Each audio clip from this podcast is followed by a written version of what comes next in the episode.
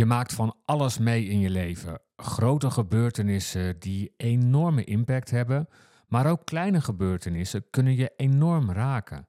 En als die emoties niet goed worden verwerkt, dan kunnen die leiden tot trauma. En trauma kan weer leiden tot een alcoholprobleem. En daar ga ik het over hebben in deze Eerlijk over Alcohol topic. Ik ben Koos en na mijn carrière als presentator van shownieuws bij SBS6 ben ik me gaan ontwikkelen tot counselor en alcoholvrij coach.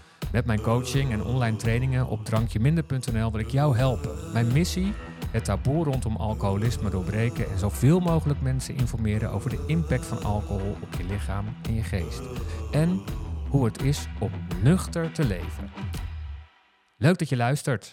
In deze aflevering ga ik het hebben over trauma en de relatie tot een alcoholprobleem.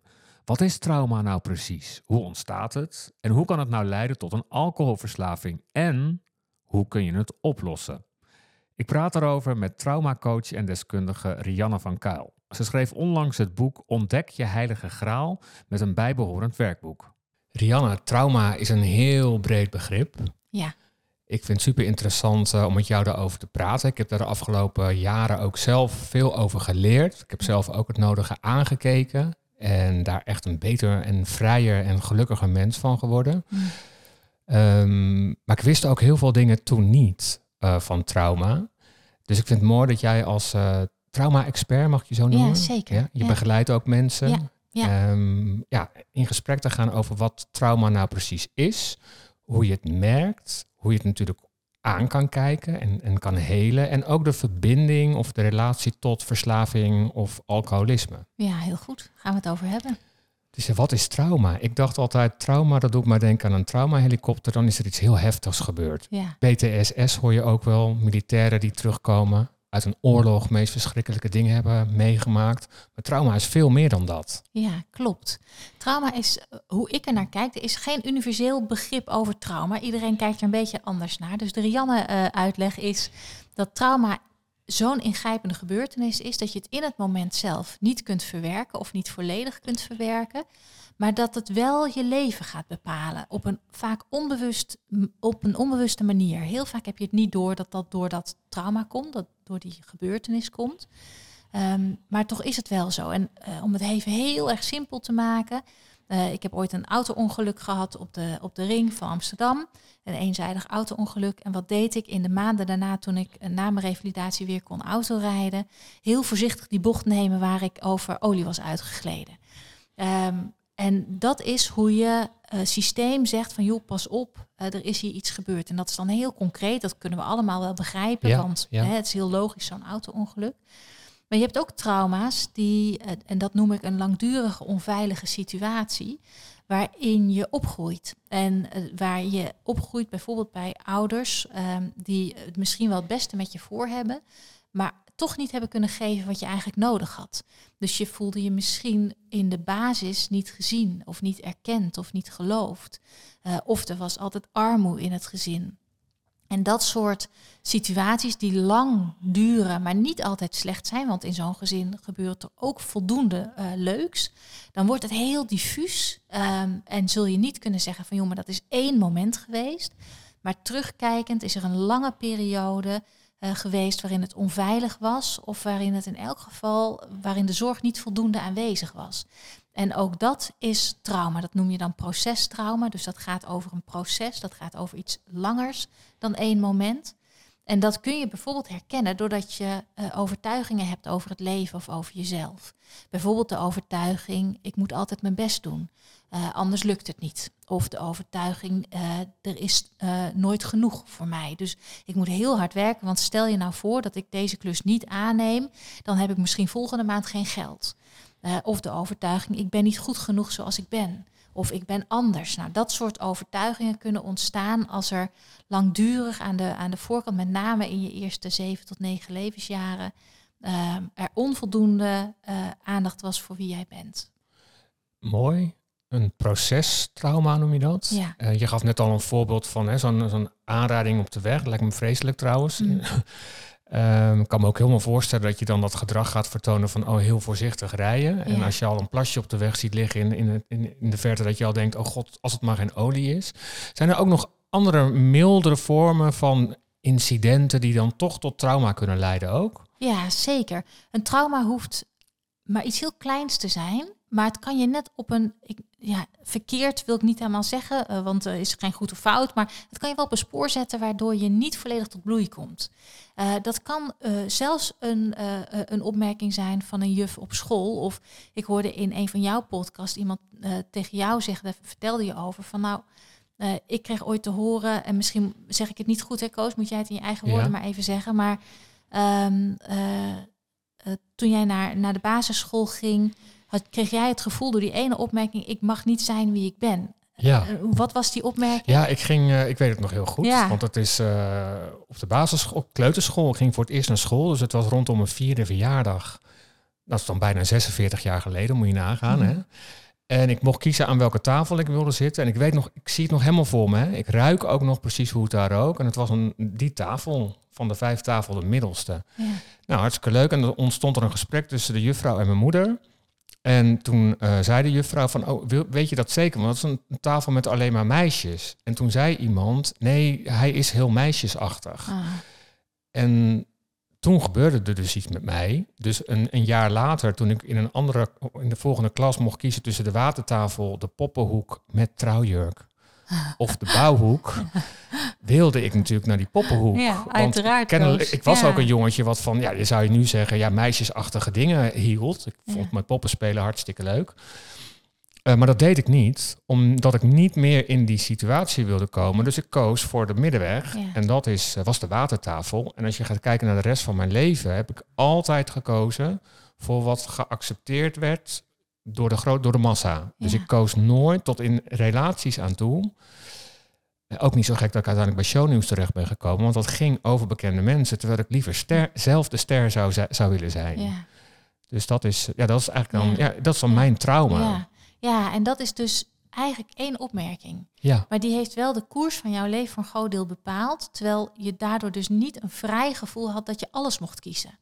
En dat is wat trauma kan doen. En trauma klinkt dan heel groot, want het moet levensbedreigend wat dan ook zijn. Ik geloof daar niet in. Ik, ik ben ervan overtuigd dat we allemaal dingen meemaken die onbedoeld vaak gebeuren. Of die het leven soms op je pad uh, brengt, maar bijna nooit moedwillig. Uh, maar die wel degelijk de koers van ons leven bepalen, waardoor we onvoldoende ofwel onvoldoende begrenzing voelen of onvoldoende vrijheid ervaren of niet goed weten wat onze eigen behoeftes zijn. En zo kunnen er allerlei systemen ontstaan, ook door relatief kleine gebeurtenissen. Uh, want degene die dat zei waar jij bij stond, uh, had het vast niet kwaad met jou bedoeld. Nee, ik denk dat, dat diegene ook gewoon gelijk had. Want ja, ja ja. vond meisjesachtige dingen leuk. Ja, maar het heeft op een onbewust niveau, dus tot, tot aan shownieuws aan toe zeg jij, uh, wel deels jouw koers bepaalt. Ja, want zo hoor ik dus niet te zijn, had ik erbij bedacht. Ja, ja. ja. Maar kun je dan um, zeggen dat iedereen in meer of mindere mate getraumatiseerd is? Ja, ja en nee. Um, we, er is een, een soort onderscheid wat gemaakt wordt door bijna uh, alle uh, psychologische uh, stromingen. Um, en dat is dat als je structurele onveiligheid hebt meegemaakt voor je negende levensjaar, zevende, negende levensjaar, Um, dat betekent uh, uh, armoede, ouders die emotioneel uh, niet beschikbaar waren of onvoldoende beschikbaar waren. een van beide ouders met een trauma, een scheiding van je ouders. Um, ingrijpende gebeurtenissen. En hoeveel kinderen leven er nu niet met in samengestelde gezinnen? Hè? Dus het, het, het gaat wel over grote aantallen.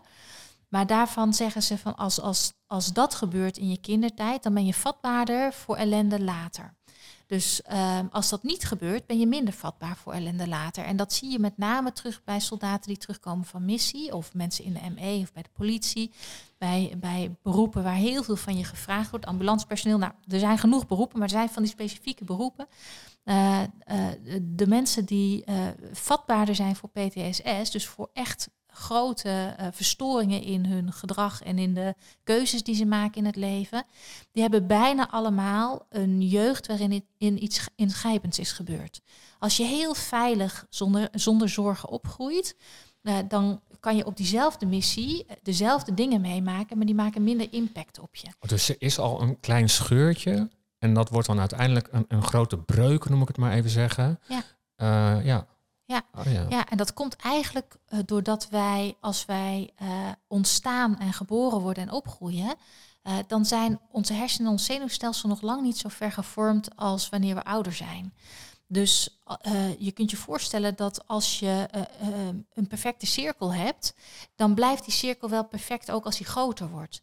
Maar als er een deukje in die cirkel zit, hoe groter die cirkel wordt, hoe zichtbaarder dat deukje wordt. Want die vormt mee. Ja. En zo vormt ook ons zenuwstelsel en onze hersenen vormen mee naar de gebeurtenissen die we meemaken als kind. ja. En hoe jonger dat is, hoe impactrijker de gevolgen. Ja.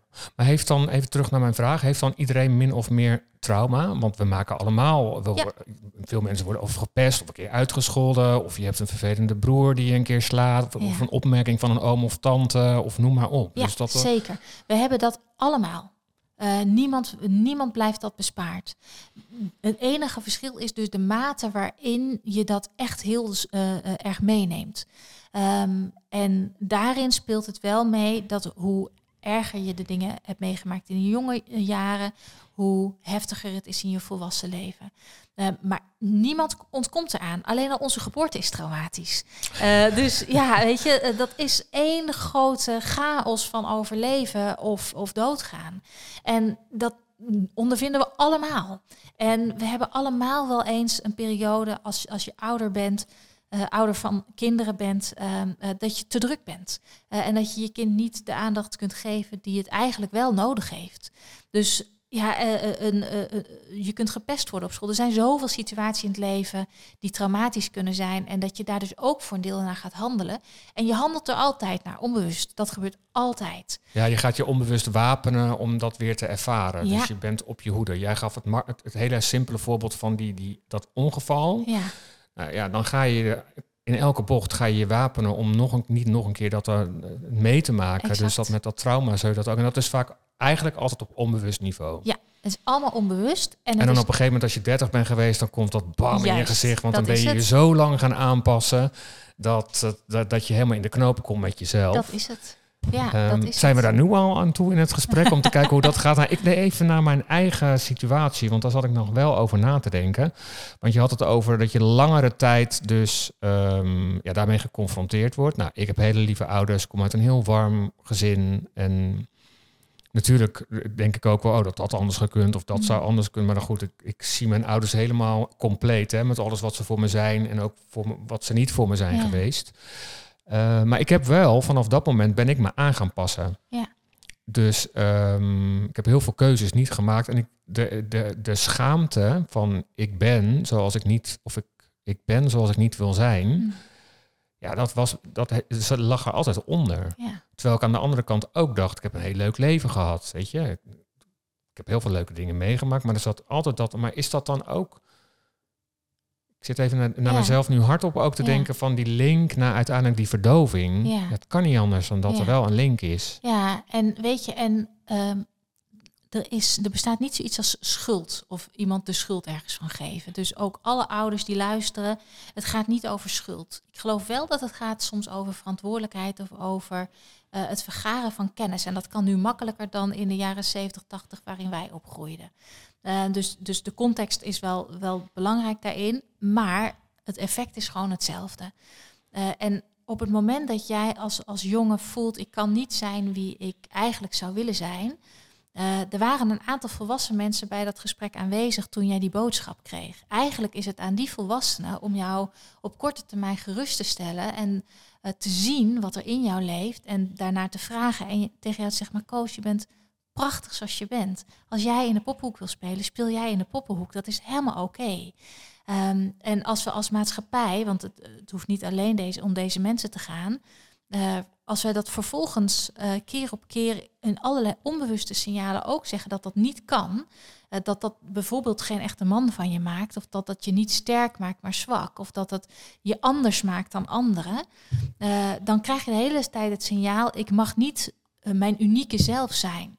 En als dat je boodschap wordt en dat wordt niet tegensproken, dan kan het natuurlijk heel goed zo zijn dat je daarna gaat leven en dat je dat gevoel en van die afwijzing niet meer wilt voelen. En dat je voor eh, die pijn die dat oplevert iets gaat zoeken om dat te verdoven.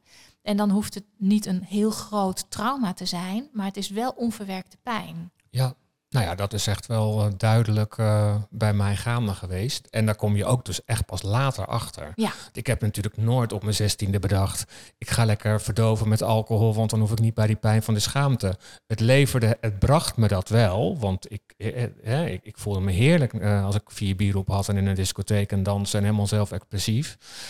Maar, uh, en dat is ook wel mooi, want dit zijn ook wel gesprekken die ik voer met mensen die ik dan begeleid zelf, hè, met alcohol. Want alcohol Ja. is natuurlijk het, het middel om, om lekker te verdoven Ja. en daarbij weg te gaan. Ehm, want los van trauma zitten, zijn wij mensen natuurlijk heel erg geneigd om aangepast gedrag te vertonen. Ja, Iets wat we zelf hebben bedacht over hoe we moeten zijn en wat we moeten doen. En, en misschien ook wat de maatschappij of ouders of opvoeders tuurlijk. ja, je opleggen. Ook onbewust waarschijnlijk. Ja, ja weet je, Koos, in, in, in je eerste levensjaren zijn je ouders je normaal. Je Ja. hebt geen idee van de wereld. Dus hoe zij leven, dat spiegel je. Eh, en, eh, en dat vind je de normale situatie.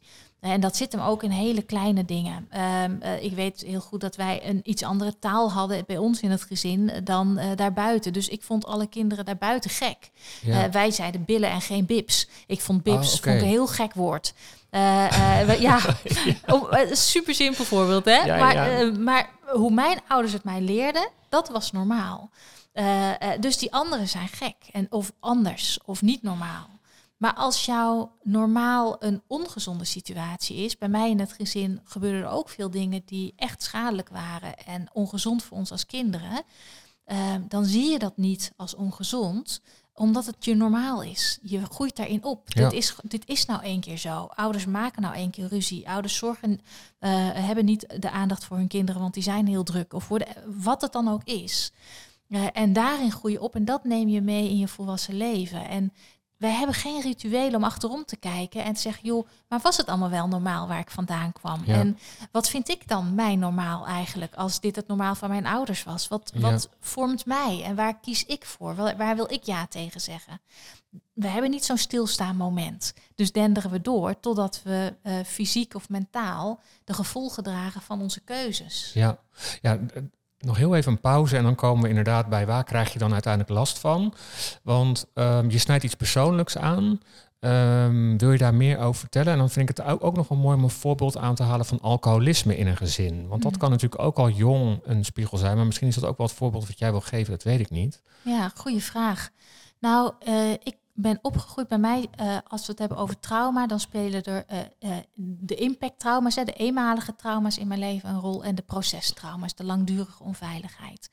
En in, in mijn gezin was mijn vader heel afwezig, maar wel heel dominant. Dus wij moesten, ik heb het ervaren als dat wij hem moesten gehoorzamen. Ehm, en ehm, er was geen ruimte voor eigen ontwikkeling, geen ruimte voor eigen gedachten of eigen gevoelens. Eh, we moesten leven zoals hij dat voorschreef. En eh, mijn moeder eh, ondersteunde dat op een bepaalde manier ook. En die, die, die streed daar ook wel tegen. Maar uiteindelijk leefden we wel in dat gezin waar dat wel gebeurde. En waarin gehoorzaamheid aan mijn beide ouders heel belangrijk was. Waarbij mijn moeder haar eigen trauma's mee had genomen het gezin in.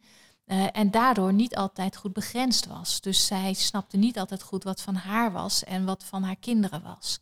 En dat is best een, een, ik noem dat dan een onveilige situatie, omdat je opgroeit eigenlijk bij twee ouders die niet op een gezonde, evenwichtige manier kunnen geven aan hun kinderen wat ze nodig hebben. En ik heb daar met name in mijn volwassen leven heel erg onder geleden. En ehm, dan is het in mijn leven ook nog zo eh, eh, dat ik seksueel misbruikt ben door de vader van een vriendinnetje eh, een aantal jaar. Nou, daarvan voelt iedereen aan dat dat traumatisch is. Ehm, maar als kind weet je niks van seks, dus je snapt Nee. niet wat er gebeurt. Het enige wat je wel snapt is dat iemand over je grenzen heen gaat. Eh, en dat zijn de trauma's die ik met me meedraag. En ik weet wel dat mijn, eh, een van mijn oma's was alcoholist. Eh, hele lieve vrouw, maar kon het leven absoluut niet aan. Dus als wij daar op bezoek gingen, hoe vroeg het ook was, zat ze aan het bier samen met de vriendin. En eh, daar, daar speelden ongelooflijk veel ingrijpende eh, processen. Mijn beide ouders eh, zijn in, in- vanaf het moment dat ik geboren was in elk geval geen alcoholverslaafden geweest. Maar er waren wel heel veel andere verslavingen in het gezin. Zoals welke verslavingen? Ja, mijn eh, ehm, eh, een hele voor de hand liggende, maar een werkverslaving. Mijn vader kon niet zonder heel hard werken. Ja. Altijd alleen maar werken, werken, werken. En, en alles ging ook daarvoor. Eh, hij is heel religieus, eh, waarbij hij ook vond dat God dit van hem vroeg. Eh, en als wij dus een grens aan hem aangaven, zeiden we nee tegen God. Zo werd het gezegd. Ja. Ja, en dat wil je niet, Koos, want dan, Nee. hang- hangt er hel en verdoemenis boven je. ja. Dus hij beet zich vast in die, ja, hij was alleen maar aan het werk. Ik ken, ik ken hem niet anders. Nee. Afwezig letterlijk en dus ook emotioneel afwezig. Ja. Ehm, je zegt heel veel eigenlijk. eh, ook over eh, wat er met de vader van je vriendinnetje gebeurde. Mm. Dat kunnen we ons allemaal voorstellen enorm traumatisch is. Ehm Dank je wel ook dat je zo open bent om dat eh, nu te delen. Mm. Ehm, ik, wat ik ben heel erg benieuwd, die onveilige situatie thuis. En je begon te vertellen over hè, dat je dat als kind is dat je spiegel. Dus Ja. dat is jouw normaal. Ja. Wat heeft dat veroorzaakt? Dat dat normaal was? Ja, een van de oorzaken is, of nou, ik, zal er twee noemen. Eén is dat ik niet goed begrensd was. Dus ik snapte niets van mijn eigen grenzen. Ik wist niet wanneer nee nee was. Ehm, want mijn nee gold in het gezin niet echt. Want we moesten toch doen wat mijn vader of God vroeg. Of wat mijn moeder vroeg, kon soms ook voorkomen. Eh, dus ik was onbegrensd. En dat, dat heeft eh, eh, alles met thuis en ook met dat seksueel misbruik natuurlijk te maken. Loopt door elkaar heen. Ehm, en daardoor kon ik ook als volwassen Rianne geen gezonde grenzen hanteren. En kwam ik in giftige relaties terecht. Want waarom zou iemand luisteren naar mijn nee? Ik zei wel nee, maar als iemand daar niet aan, eh, eh, gehoor aan gaf, dan deed ik toch mee in wat er van me gevraagd werd. En daardoor ontstonden de aanrandingen naar allemaal intens gedoe.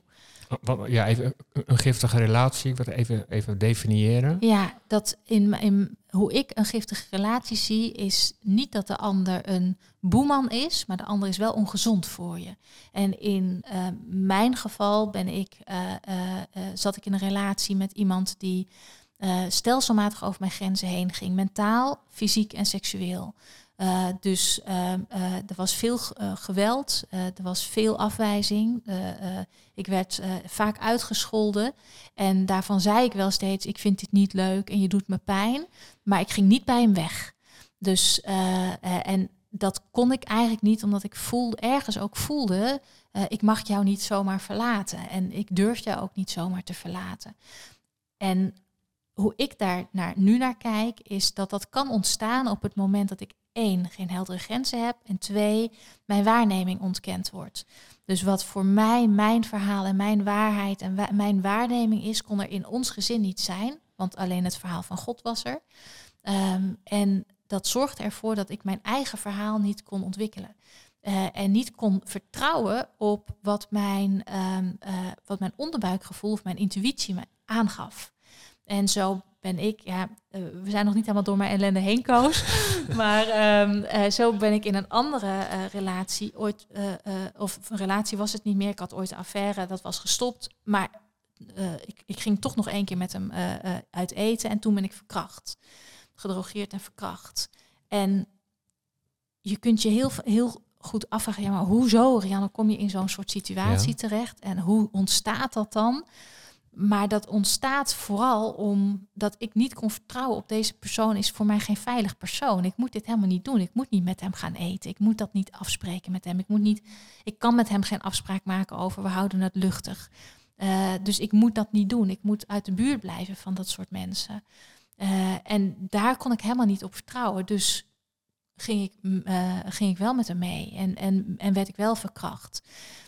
En uiteraard ehm, heeft dat geen, daarmee zeg ik niet, de schuld ligt daarvoor bij mijn ouders, maar de voedingsbodem voor latere ellende is wel ontstaan in dat gezin.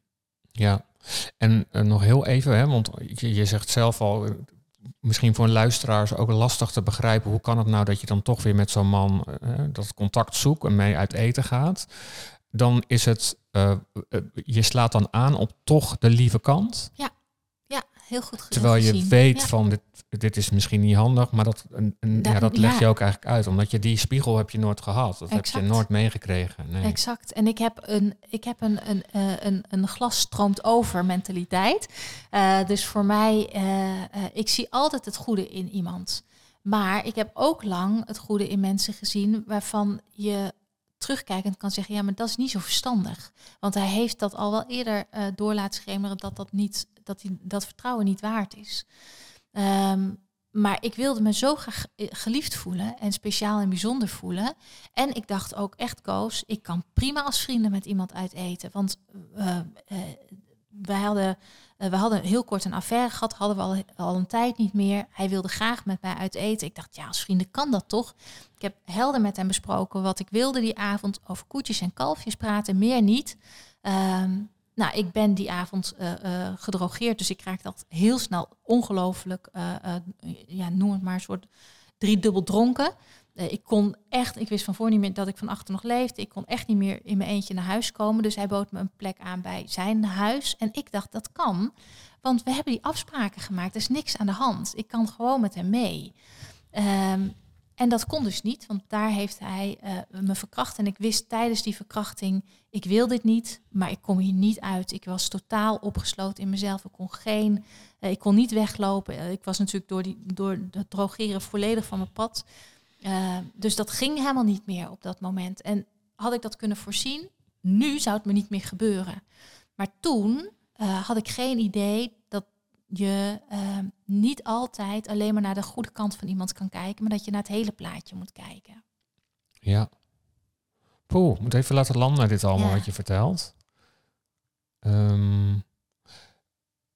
jij hebt dit helemaal een plek kunnen geven, hè? voel ik aan alles. Mm. Ja, klopt. Ondanks dat dat je natuurlijk wel iets doet misschien, maar ik merk wel dat je, want ik, we luisteren alleen naar jou, we zien elkaar niet. Soms zit je, zit je ook gewoon lachend, of tenminste Ja. heel ontspannen vertel je dit eh, verhaal. Mhm. Ehm, dus we gaan in dit, in, in, in dit gesprek ook wel toe naar hoe heel je dan dat trauma. Ehm, maar eerst nog even alcoholisme en trauma. Ehm, want ik denk dat het wel logisch is eh, als je opgroeit in een gezin waar met bijvoorbeeld een alcoholistische vader of moeder, dan is de kans ook groot dat je zelf later, terwijl mensen zullen denken, ja nee, Mhm. dat gaat, dat, als je iets niet wilt, dan is het dat. En Ja. toch gebeurt het. Ja.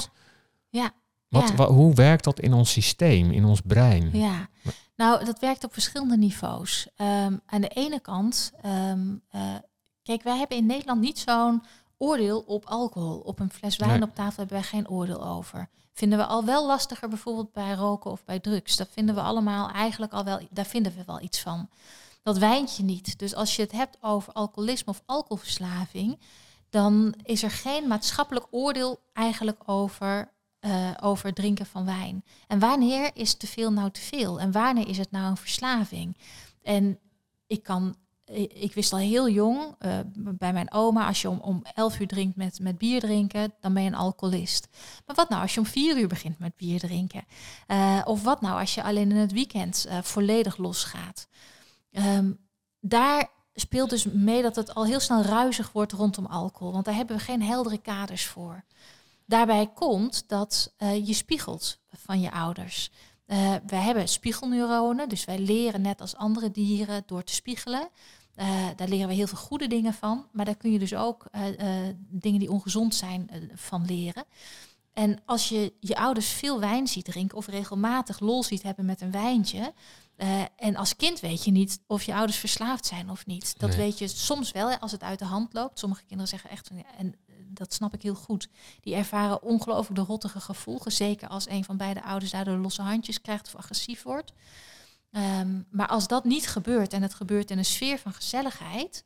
eh, en je krijgt als kind niet die nare kant mee. Dan is het natuurlijk, dan is het. ehm, dan zit daar voor jou als kind geen gevaar in, in wat zij doen. Eh, dus zit er in het opgroeien van jou ook geen gevaar in dat gedrag. En kun je dat dus ook makkelijk gaan kopiëren, want het is ook weer normaal.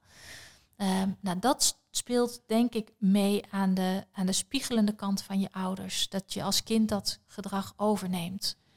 Ehm, en dan komt er iets bij. ehm, en dat is dat als je niet leeft naar wat jij nodig hebt, dus als je niet leeft naar jouw behoeften als volwassene, dan ga je jezelf uh, afdekken en bedekken en uh, ontkennen dat je behoefte hebt en dat je iets dat nodig hebt. Dat heb ik gedaan dus. Ja, ja, exact. Ja, dat Jij ook op ja, jouw manier, absoluut. maar ik heb juist, Ja. bij mij is het heel duidelijk van, ik durfde eigenlijk niet meer te zijn wie ik echt was. Ja, ja, en als je dat ontkent, en nou ja, jij weet ook vanuit eh, eh, eh, praatgroepen, ontkenning is het woord bij verslaving.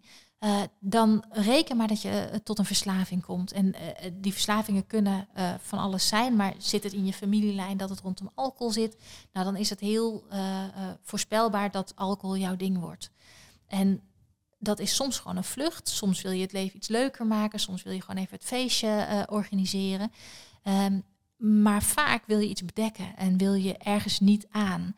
En dat is altijd iets wat, waar je eigenlijk behoefte aan hebt. Dus ehm, behoefte om gezien te worden, behoefte aan gezonde grenzen, behoefte aan vrijheid, behoefte om jezelf te kunnen ontdekken en te zijn. Dat zijn essentiële waarden in jouw leven. En als die er niet kunnen zijn, dan ga je ontkennen. Ontkennen van wie je echt bent. Ontkennen wa- wat, je, nodig of wat hebt. je nodig hebt, Ja. omdat je dat misschien helemaal niet weet. Exact. Ja, Ja. je hebt dan geen, heel vaak ook geen eens een idee dat je überhaupt iets nodig Ja. hebt. En al- alcohol geeft je dan die externe, dat is eigenlijk de externe behoefte. Die vult het, ja, dat, dat- omdat verslaving ook wel het opvullen van een leegte in je ziel, eh, het gat in je ziel Absoluut. wordt genoemd. Is alcohol of drugs of wat dan ook gewoon echt letterlijk het opvullen van iets wat je mist. Exact. Ja, Hoe is het met jou en alcohol gegaan in je leven? ja in, in de eh, zwarte periode in mijn leven, dat, dat heeft een jaar of drie geduurd, ehm, dronk ik veel en veel te veel. Ehm, ik eh, kom uit eh, dus zo'n heel streng christelijk milieu. Dus ik ben heel jong, of misschien niet dus, maar ik ben heel jong getrouwd. Ehm, met de eerste man op wie ik verliefd werd. En dat huwelijk, het was een hele aardige man, maar we konden allebei niet verbinden. Ehm, en na een tijd liet ik mijn eh, hele strenge eh geloofswaarden los. En kwam ik eigenlijk in een soort verlaten puberteit. En toen begon ik ook met drinken. Ik had tot dat moment geen druppel alcohol gedronken. En toen dacht ik, alles mag. Dus ik ben gaan roken, ik ben jointjes gaan roken, ik ben gaan drinken. En een, een soort experimenteerfase en inhaalfase. Alleen eh, ehm, toen vond ik het ook eh, leuk om eh, te kijken hoe het was om met een ander te zoenen. En dat was bij iemand die dus uiteindelijk heel ongezond voor mij bleek. En in die relatie ben ik veel en veel eh, te veel gaan drinken om die pijn van die afwijzing die ik daarin ervoer, maar niet te voelen. En de pijn maar niet te voelen over de schaamte en de schuld dat ik mijn eigen man bedroog. En dat probeerde ik enorm te verdoven met alcohol. En dat heb ik echt eh, eh, lang gedaan. Dat heb ik drie jaar lang zo gedaan. Dan, dan ging er zeker een fles per avond doorheen. Ja. Dus interessant als iemand zit, zit te luisteren die denkt van... hé, hey, ik, ik drink ook te veel. Want ik weet dat ik veel luisteraars... er zijn Mm. veel luisteraars die natuurlijk ook iets met alcohol hebben... iets ongezonds hebben met alcohol of iets onhandigs. Ehm, wat zou je dan kunnen adviseren? Van, want eh, kun je er dan van uitgaan dat je een trauma hebt? Of dat je iets bedekt of iets invult, een leegte? Ja, ik denk het wel. Ik denk dat het of het, het, eh, het, het letterlijk bedekken van acute pijn is. Dat heb ik in elk geval wel veel gedaan. Dan voelde ik zo'n eh, leegte en schaamte en schuldgevoel eh, dat ik ging, eh, ging drinken. Er komt natuurlijk ook een fysiek component aan die verslaving bij. Je wordt gewoon fysiek ver- verslaafd aan, aan de gevolgen van alcohol. Nou, op zich ben je daar met een paar weken wel van af. ehm, eh, eh, als je daar van af zou willen komen. Dus, maar dat speelt natuurlijk wel mee om je aan die fles te houden. En ik denk, en dat, dat haal ik ook uit de literatuur die ik erover gelezen heb, eh, dat de grootste component is het ontkennen van wat je eigenlijk nodig hebt. Eh, en dat komt bijna altijd voor uit afwijzing of verlies. Dus je bent gaandeweg je, je leven iets verloren. Dat kan ook zijn dat je eh, ehm, geen veilig thuis meer hebt omdat je ouders uit elkaar zijn. Dan kan het heel gelukkig en goed zijn in het samengestelde gezin. Maar je verlangt misschien nog altijd naar het gezin met papa en mama samen met elkaar. Eh, en dat is dan een verlieservaring die je te dragen hebt. En die kan als kind zo pijnlijk zijn dat je dat wilt verdoven. Ehm, of je wordt dus afgewezen om iets, eh, om wie je bent of om wat je doet of om hoe je eruit ziet. En dat wil je ook niet voelen. En dan ga je ook verdoven. Dus dat zijn, wat mij betreft, een beetje de componenten waarom je kunt gaan drinken. Ja. Oké, veel verteld, Rianne, over Mm. eh, wat trauma is, hoe het ontstaat. Ehm, zijn we dan nu toe aan, nou ja, bijna ook de oplossing, hè? want gelukkig is er ook een oplossing. Ehm, maar eerst, hè, als je een zware alcoholist bent, dan is dat misschien een, een, een, een uiting van dat trauma. Dus dan zou je ook Ja. kunnen denken, hé, hey, daar is iets wat niet helemaal klopt. Wat zou dat kunnen zijn? Maar hoe merk je nog, kan je nog meer merken dat je dat trauma in de weg zit? En als je dat gaat oplossen, dat dan misschien bepaalde klachten verdwijnen. Ja, ja goede vraag. Trauma laat zich niet helder zien. Ehm, want trauma slaan we namelijk niet goed op in onze hersenen. Als je iets traumatisch hebt meegemaakt, dan eh, weet je vaak nog eh, of je, je herinnert je eh, om die situatie heen best wel heel veel. Jij vertelde net ook, ik, ik kan nog bijna ruiken hoe het daar op school rook, hoe het eruit zag. Ik weet nog precies waar, waar de zandbak of de, de, de, de poppen stonden. Dus dan heb je een, een heel helder, één heel helder moment. Maar hoe ben je op die school gekomen en hoe is de rest van je schooldag gegaan, zul je zeer waarschijnlijk niet meer herinneren. En dat komt omdat we trauma niet opslaan als een verhaal. Dus eh, ehm, eh, ik hoop voor jou dat vandaag niet traumatisch was. Dan kun je de komende tijd je echt nog wel herinneren hoe je naar Amsterdam bent gekomen, hoe we dit gesprek hebben gehad en hoe je weer thuis bent gaan monteren. Eh, dan hebben we een gewone herinnering gecreëerd. Maar trauma doet dat niet. En dat betekent dat je in je volwassen leven bijna nooit het hele complete verhaal herkent. Weet dat dat zo is. Weet dat het niet aan jou ligt dat je niet alles herinnert. Weet dat het heel normaal is dat je het gefragmenteerd herinnert, dat je het misschien door elkaar herinnert, dat je eh, een, een bevroren beeld hebt of dat je alleen maar een fysiek gevoel in je lijf hebt. Dat kan allemaal. Dat zijn je richtingaanwijzers. Dat is stap 1. Vertrouw erop dat als je dat ervaart in je leven, dat dat je richtingaanwijzer is naar pijn die je niet hebt verwerkt. En op het moment dat je dat kunt erkennen, kunt geloven van jezelf dat dat zo is, dat je zegt: Oké, ik snap het misschien niet helemaal. Ik zou dolgraag het hele plaatje willen. Ik zou dolgraag weten wat is er dan gebeurd. Ik weet het niet, maar ik weet wel iets. Dan wordt dat iets je kapstok om verder te gaan kijken. En vanuit die kapstok kun je gaan voelen. En als je in verdoofde staat bent, kun je dat niet goed. Dus het is wel belangrijk dat je hulp gaat zoeken om um, uh, uh, van je verdoving af te komen. Dat kan zijn echt in rehab gaan, dat kan naar de praatgroep gaan zijn. Uh, maar zoek hulp om van je verdoving af te komen. Want als je je verdooft, kun je je heel moeilijk voelen. Je kunt pas gaan voelen als je je niet meer verdooft. Dus stap 2 zou zijn, oké, ik weet dus dat er, iets, dat er iets is. Stap 1. Stap 2, ik verdoof me. Ik neem de moed om hulp te zoeken om uh, uh, mijn verdoving los te laten. En dat kan je niet alleen.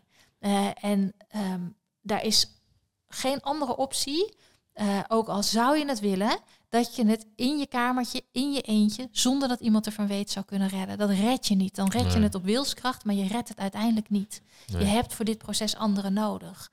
Dus zoek die ander ook op om het proces aan te gaan. En dat kan, heel veel praatgroepen zijn gratis, dus dat kan ook een gratis praatgroep zijn. Ik uh, organiseer één keer in de maand gratis uh, online avonden. En er zijn meer mensen die dat doen. Waar je even samen kunt komen en kunt voelen: oké, okay, we zijn allemaal hetzelfde. We hebben allemaal gedoe.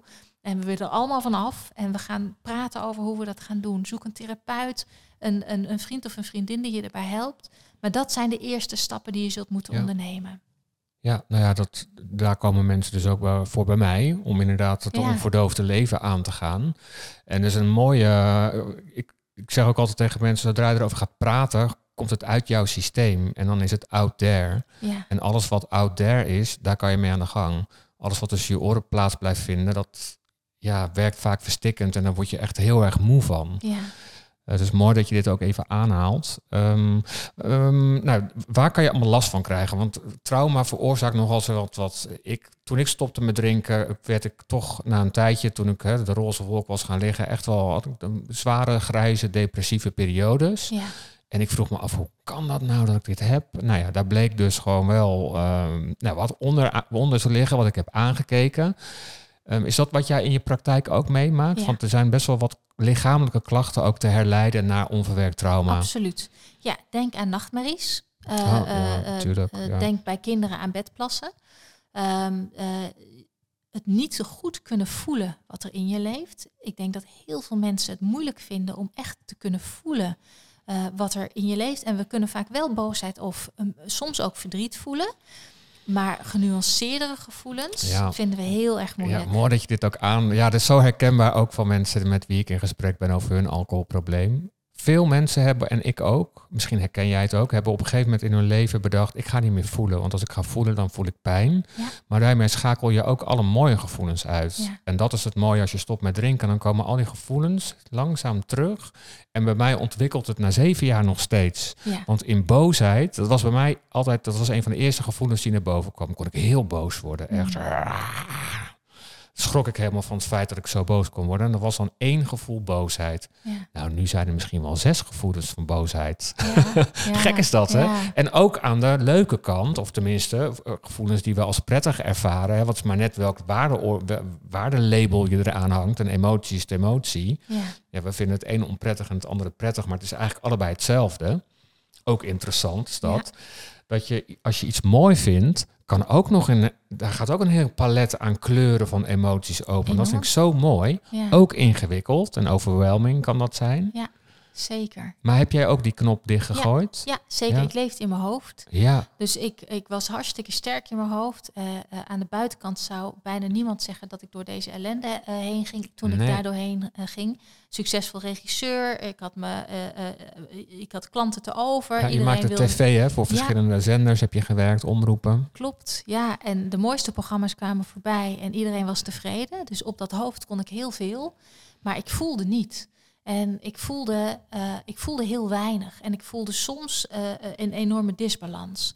Maar in het moment kunnen voelen wat iets met me deed, of wat ik nodig had, of wat ik fijn vond en prettig vond, of wat niet, dat vond ik echt heel erg lastig. Dus ik werd een wandelend hoofd en daar ging ik heel goed op. Totdat dat natuurlijk niet meer ging en ik van kwaad tot erger in situaties terecht kwam. Maar tot dat moment ging ik heel goed op mijn hoofd. Ja. Maar dat is natuurlijk niet de complete Rianne. En daar Nee. krijg je dus altijd last van. Ja. Ehm, maar dat doen we wel vaak. Dus we scheiden heel vaak ons hoofd van de rest van ons lijf en onze emoties af. Ja. En als je stopt met verdoven, dan kan het best zo zijn dat je oncontroleerbare gevoelens krijgt een tijdje. Weet dat het overgaat. Het leven is cyclisch, het gaat altijd in cirkels, dus het, gaat, het komt op en het gaat altijd voorbij. Wees er gerust op, want eh, het is niet iets dat als je ergens nu in zit, en al, al duurt dat nu al een paar dagen of een paar weken, dan is dat helemaal geen garantie dat het volgend jaar net zo ellendig is. Want als je gaat werken aan jezelf, met name met een hulp van, van iemand van buitenaf, eh, dan kan je zoveel stappen maken. En dat probeer ik ook te doen in, in Ontdek je Heilige Graal met het, het, boek, met het werkboek erbij. Dan ga je het voelen. Eh, dus dat, dat is een manier om eigenlijk een beetje van buitenaf hulp te krijgen. Om te voelen, te voelen, te voelen, te voelen. Heel veel voeloefeningen in. En misschien dat je in het begin zegt, ja, maar dat kan ik gewoon helemaal niet. Nou, no worries. Er komt altijd wel een oefening die wel kan. Ja. En langzaamaan, door meer kennis en door meer bewustzijn, ga je meer voelen en kom je meer in je lijf terecht. Ehm, een ander verschijnsel, eh, als je, als je eh, loopt met trauma, is dat je je lijf niet goed kunt voelen. Dus niet alleen je emoties, maar het moet wel heel erg met je zijn. Wil je naar een huisarts gaan of wil je eens een keer Ja. stoppen met dat harde werk? Of wil je eens, eh, eh, eh, niet elk weekend de slingers ophangen? Omdat je voorbij gaat aan de behoeften van je lijf. Dus ja, ik heb een stijve nek en mijn onderrug doet pijn en mijn darmen werken niet goed. Dat is gewoon onderdeel van wie ik ben. Dat heb ik al zo lang in mijn leven draag ik dat mee. Ja. Snap je? En, maar dat is natuurlijk niet gezond. Nee. want we luisteren dus niet naar de signalen van ons lijf. Ja. Ja, mooi. Dat is inderdaad, je lichaam vertelt je iets. Exact. En daar kan je iets mee doen. Ja, ja, je lichaam Ja. is zo'n waanzinnige spiegel als je het als richtingaanwijzer wilt zien. En als je eh daaraan voorbij gaat, zoals we vaak doen, want een deadline, want de kinderen, want whatever, ehm, dan betekent het niet dat je lichaam niet alsnog eh, die pijn heeft of dat signaal geeft. En je lichaam gaat gewoon harder roepen. Dat is alles wat Ja. het gaat doen. Wil Ja. gehoord worden. Mooi. Goeie, mooi duidelijke voorbeelden. Ehm, en dan, nou, dan weten we dat. Ja, Dan weten we ook van, hé, hey, er is wel, er zijn wel dingen gebeurd in mijn leven die wel eh, de oorzaak kunnen, zouden kunnen zijn van mijn alcoholgebruik. En dan? dan is erkenning een essentiële eerste sta- eh, volgende stap. Erkenning geven aan wie jij bent. Erkenning geven aan wat er is gebeurd. Erkenning geven aan de pijn die dat heeft veroorzaakt, zonder het te willen oplossen meteen. Zijn bij de pijn. En nee, dat is niet leuk, dat is niet gemakkelijk, we hebben er nooit zin in, maar het is wel de weg. Ehm, er is geen shortcut. Je kunt niet uh, zeggen, oh ik herken de pijn, ik weet wat het is, ik laat het nu los. Dat is niet hoe het werkt. Heel jammer, gaat niet, dat gaat niet gebeuren. Je kunt niet iets loslaten wat je niet volledig hebt verwerkt met je hele lijf. En dat erkennen is zo belangrijk, want als je uh, verslaafd bent aan alcohol, dan ontken je. Dus je ontkent je eigen behoeften. Daartegenover staat het erkennen van je behoeften en het erkennen van wie je bent en het erkennen van je pijn. En dat is vaak heel moeilijk, want een deel van die pijn kan veroorzaakt zijn door mensen die je lief hebt. Bijvoorbeeld je ouders of je, je broers of je zussen of je partner of de kinderen op school of de juf die het ook goed had bedoeld. Uh, en met name naar uh, gezinsstructuren zijn wij ongelooflijk loyaal. Dus dan vinden we het heel moeilijk om die lieve moeder of die lieve vader ook van te zeggen: je bent wel heel lief geweest voor mij, maar ik heb toch wat gemist. Uh, en het was toch niet voldoende voor mij. Maar het is wel essentieel om dat te doen. Daarmee val je je ouders niet af. Je hoeft het ze misschien ook nooit te vertellen. Het is misschien alleen maar een proces voor jou intern, waar niemand iets mee te maken heeft. Maar het is essentieel dat je dat ruimte geeft en dat het niet meteen opgelost hoeft te worden. Je bent sterk, je bent krachtig, je bent super vindingrijk. Als je te maken hebt met pijn in je leven, nou reken maar dat je een bikkel bent.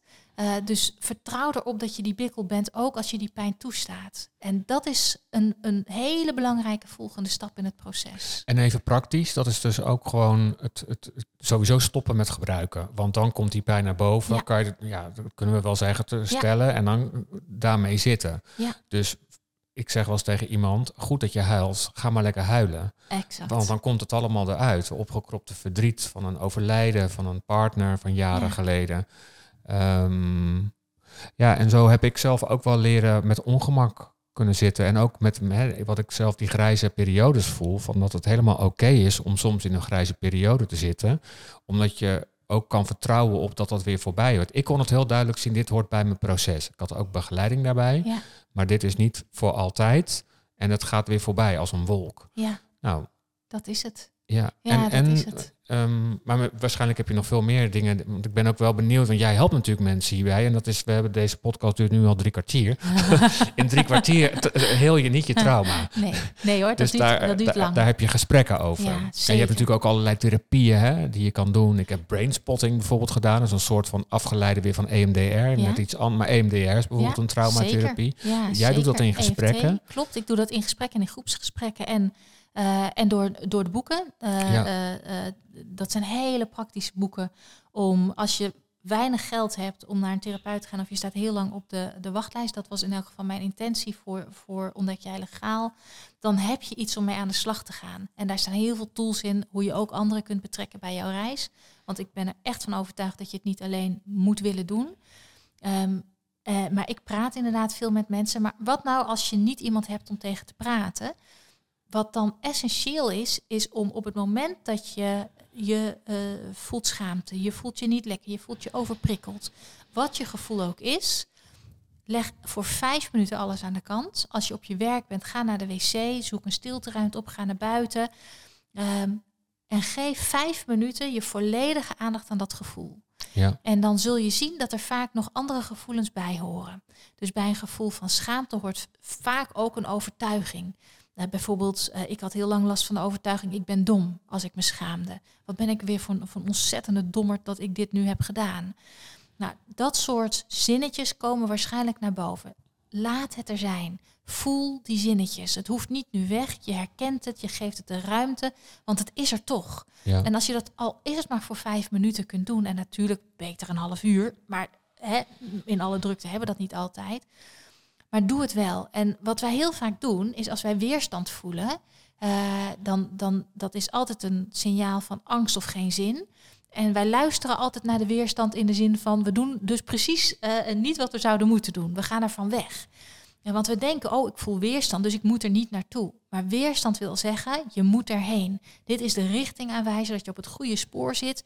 Hier ligt je schat.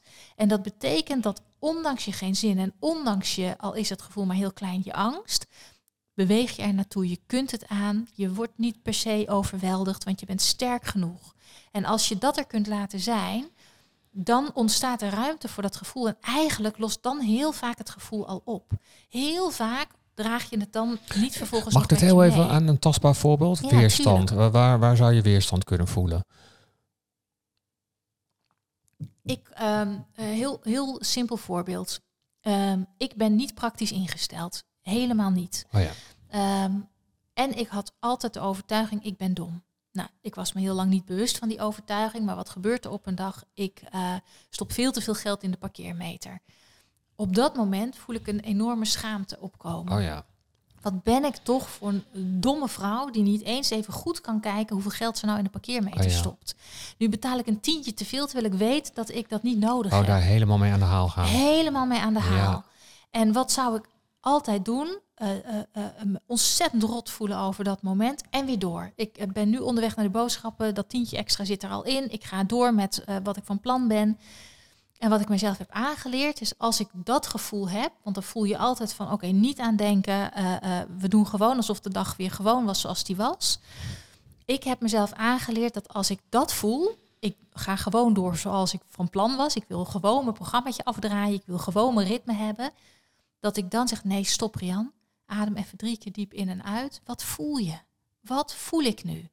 En ik voelde in eerste instantie alleen maar die schaamte over dat tientje. En dat mag er dan ook zijn. En dat mag er dan ook En je zijn. mag je ook dom voelen. Exact. En toen voelde ik me hartstikke dom. En toen, toen voelde ik van ja, maar laat dat dom er maar zijn. En dan stel ik mezelf inmiddels, hè, dat hoeft niet iedereen te doen, maar vraag als voel ik me vaker dom? Ja, eigenlijk bij praktische dingen, als ik dat niet goed doe, voel ik me dom. Maar wie, van wie heb ik die boodschap dan? Is dat een boodschap van mezelf? Vind ik mezelf echt dom of is dat aangeleerd?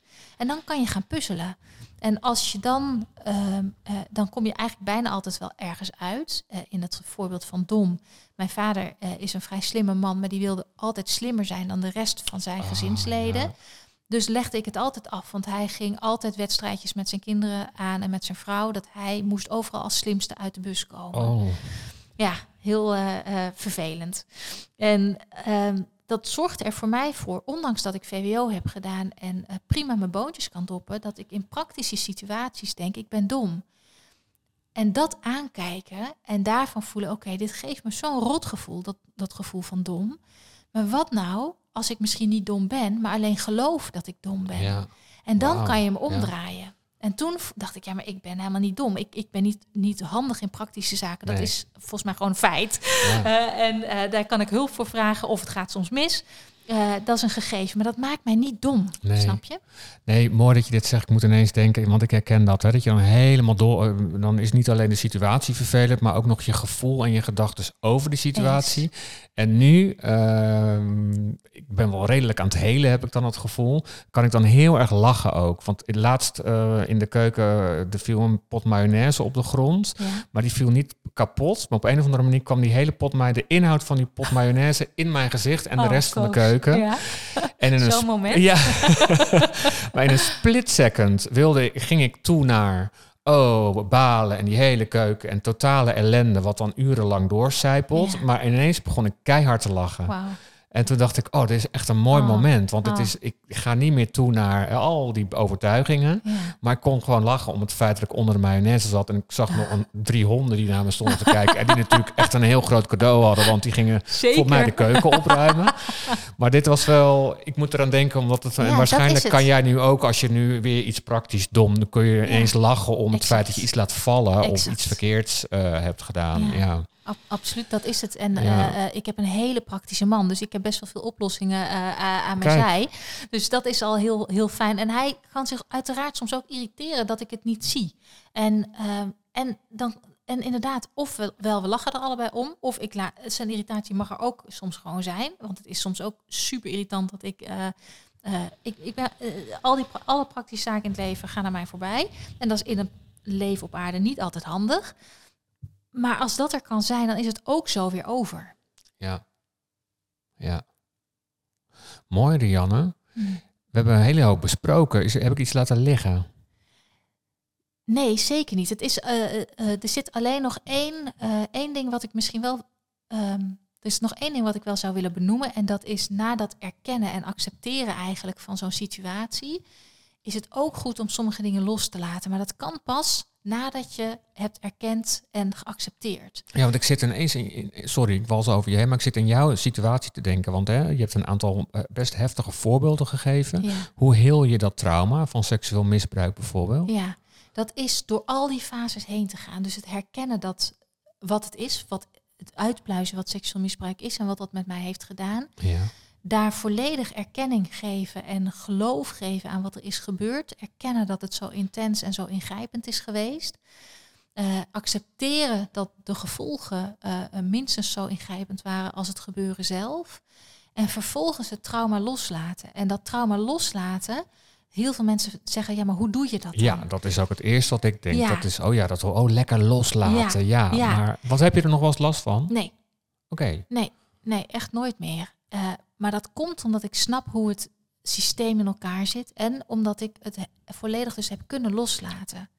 ja, En leg dat- dan, a- ja, Ja. leg, eh, Zal ik het doen? Ja, Ja, ehm, onze hersenen zijn heel visueel ingesteld. Dus wat eh, ik mezelf heb aangeleerd is dat ik in een diepe meditatie eh, het visueel kan maken wat ik in me draag. Dus dan stel ik me voor dat ik in het geval bijvoorbeeld van seksueel misbruik heb je eigenlijk het gevoel dat een deel van jou niet van jou is, maar van een ander.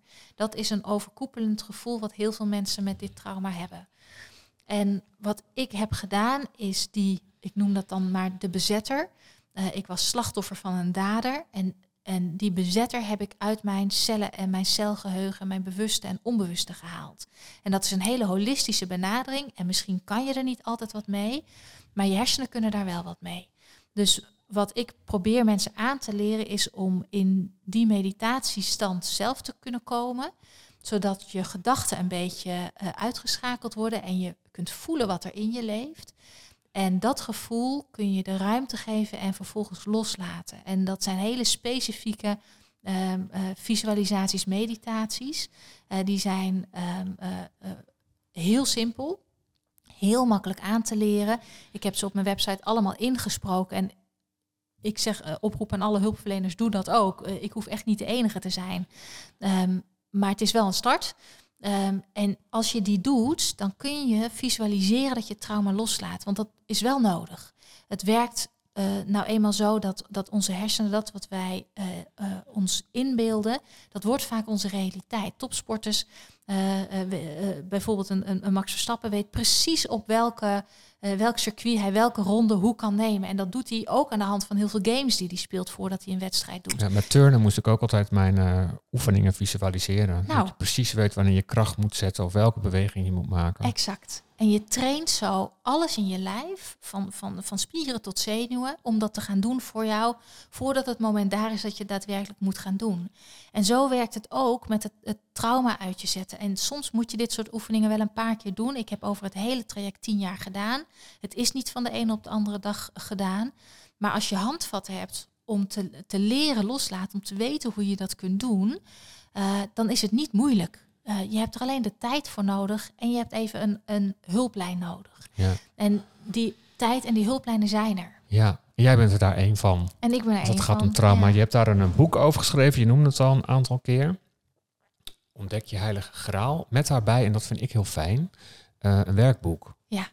Ja, klopt. Ja. waarom vind je dat fijn, Koos? Nou, omdat dat dan, eh, dan, dan kan ik er stapsgewijs doorheen. En dat is een hele mooie manier om naar jezelf te kijken. Ja, En Ja. ik, eh, nou ja, ik, ik heb je boek net ontvangen, dus ik ga er zeker even heel goed eh, naar kijken. Want ik, ja, ik kan er ook zeker mee in de gesprekken die ik heb met mensen die bij mij komen vanwege alcoholprobleem. ja, Ehm, ja, want die link is er gewoon duidelijk. ja, absoluut. Ja. Ja, absoluut. En het mooie is, en dat zeg jij ook heel, eh, hè, jij hebt wel hele heftige dingen meegemaakt, hè? Ehm, er gloort iets anders. Ja, En als je daar dan ook doorheen kunt gaan, ehm, kan je zelf soms ook, misschien is het heel gek hoor wat ik nu zeg, een soort van dankbaar zijn dat je het hebt meegemaakt, omdat het je ergens heeft gebracht waar je zonder die vreselijke ervaring nooit zou zijn gekomen. ja, zeker. Kijk, eh 99% eens met wat je nu zegt. Ik ben ontzettend dankbaar voor mijn leven. Ik zou in mijn leven, ook terugkijkend, eh, geen, andere, geen ander leven willen hebben dan dit leven. Ook omdat ik geloof dat ik ook voor dit leven heb gekozen. Ehm, dus ik, ik ben actief onderdeel van mijn leven. En ik geloof echt dat alles wat er in mijn leven ge- gebeurde, me heeft gevormd en gemaakt tot de vrouw die ik nu ben. Ik ben niet dankbaar naar de specifieke gebeurtenissen. Nee, dat snap ik. Ehm, en ik vind dat ook belangrijk om dat zo specifiek te benoemen omdat als je langdurig slachtoffer ergens van bent, dan kun je soms net te veel empathie krijgen met degene die het heeft veroorzaakt. Ah, ja. En eh, daar zou ik voor willen waken, want dat hoeft niet. Je Nee. hoeft niet alles maar te begrijpen van de ander. Je hoeft niet, zeker niet alles goed te keuren. Maar als het toch is gebeurd, dan heeft het je ook gevormd. En al het goede van die vorming heb ik behouden. En al het negatieve van die vorming heb ik inmiddels losgelaten. En dat is natuurlijk een enorm cadeau wat ik mezelf heb kunnen geven. Ja. En daar ben ik heel dankbaar voor. ja, en dat geef je dus nu door in jouw boek Ja, en in de coachings die je doet. ja, klopt. Dankjewel, Rianne. Nou, jij ook, Koos. Super. Ja. Heel fijn. Ja. Mooi, en voor jou ook, als je zit te luisteren, vertrouw er ook op hè, dat het eh, ondanks alles wat je hebt meegemaakt, ehm, ja, dat er een, een ander leven gloort, van een, tenminste een andere ervaring van je leven, als je dat trauma eenmaal verwerkt. Ja, joh. Ja. En het begint al zodra je start. Dat is het mooie. Oh, mooi, ja. Wil je stoppen met alcohol of gewoon een maand niet drinken? Meld je dan aan voor de 30 dagen Lekker Nuchter Challenge. Dan krijg je elke dag een video van mij over de impact van alcohol, maar ook over gedragsverandering. Nu ook met verschillende e-books die jou leren nuchter te leven. Ga naar drankjeminder.nl.